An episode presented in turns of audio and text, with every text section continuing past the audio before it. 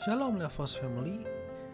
2 Timotius 1 ayat 17 berbunyi demikian Sebab Allah memberikan kepada kita bukan roh ketakutan Melainkan roh yang membangkitkan kekuatan, kasih, dan ketertiban.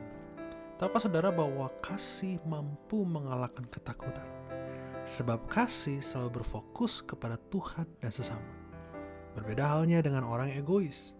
Orang egois tidak akan berfokus kepada sesamanya Bahkan bisa jadi Tuhan pun dimanfaatkan untuk kepentingan pribadi. Ketika seseorang berfokus kepada dirinya sendiri, maka saat itulah ketakutan bekerja. Mengapa bisa ketakutan menghampiri orang egois? Karena ia berpusat pada dirinya sendiri yang sangat terbatas. Jadi suatu suatu suatu ketika terjadi hal yang yang di luar kemampuan dia, dia takut. Jadi egoisme mengandung ketakutan, sedangkan kasih mengundang keberanian. Contoh, ada seorang pria muda yang sangat malu. Ia tidak berani berbicara dengan siapa pun, bahkan ia tidak berani menoleh atau menyapa tetangganya. Bayangkan, suatu saat terjadi kebakaran di atap rumah tetangganya. Dan tahukah saudara apa yang pria muda ini lakukan, pria pemalu ini lakukan? Yang mengetuk pintu tetangganya begitu kencang dan berteriak kepada tetangganya, "Hei, hei, ada kebakaran!" Karena ia tahu saat itu hari sudah malam dan tetangganya sudah tertidur. Pertanyaannya begini, kok bisa ya? Pria muda yang pemalu itu bisa tiba-tiba berani. Apa jawabannya? Karena kasih. Ia mengasihi tetangganya. Lihat bagaimana kasih melenyapkan ketakutan.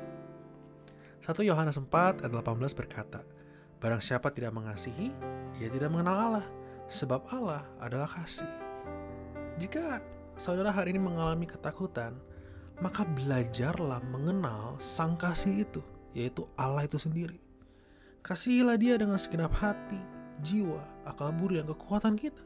Sebab kalau kita harus jujur realitasnya, hanya kepada Tuhan saja kita dapat bergantung kita nggak bisa menggantungkan diri kepada diri kita sendiri karena kita terbatas.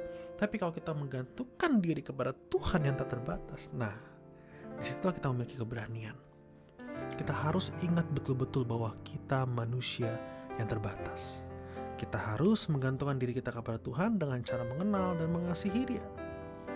Dan setelah kita mengenal dan mengasihi Tuhan, pasti di situ kita mulai belajar menyatakan kasih Tuhan kepada sesama. Di sini letak kemenangannya. Waktu saudara mengenal, mencintai, dan mengasihi Allah, saudara memperoleh kekuatan di dalam hati saudara. Tapi saudara belum belajar untuk um, berani atau melenyapkan ketakutan itu. Mengapa? Sebab harus dipraktekkan. Makanya setelah mengasihi Tuhan, harus belajar praktek bagaimana mengasihi sesama. Nah, cara mengasihi kita sesama itulah yang akan membuat kita berani menghadapi masalah-masalah yang ada kita berani melawan ketakutan. Jadi kalau mau jujur, cara untuk melawan ketakutan adalah dengan berbuat sebanyak-banyaknya kasih terhadap sesama. Bagaimana saat kita menyapa orang lain, bagaimana saat kita menguatkan orang lain, bagaimana saat kita mendengar orang lain, menolong, saling mendoakan, di situ timbul keberanian. Kasih yang kita nyatakan akan terus bertumbuh dan melenyapkan ketakutan karena kita tahu bahwa Allah yang ada di dalam diri kita. Allah sang kasih itu bersama-sama dengan kita. Jadi saudara, kalau saudara mau melenyapkan ketakutan, hiduplah dalam kasih Allah. Karena waktu saudara hidup dalam kasih Allah, kita akan praktekkan kasih itu kepada sesama dan bukan karena kekuatan kita. Dan bukan juga karena keberanian kita semata, tetapi kita paham sekali bahwa Allah menyertai hidup kita. Tuhan Yesus mengasihimu. Haleluya. Amin.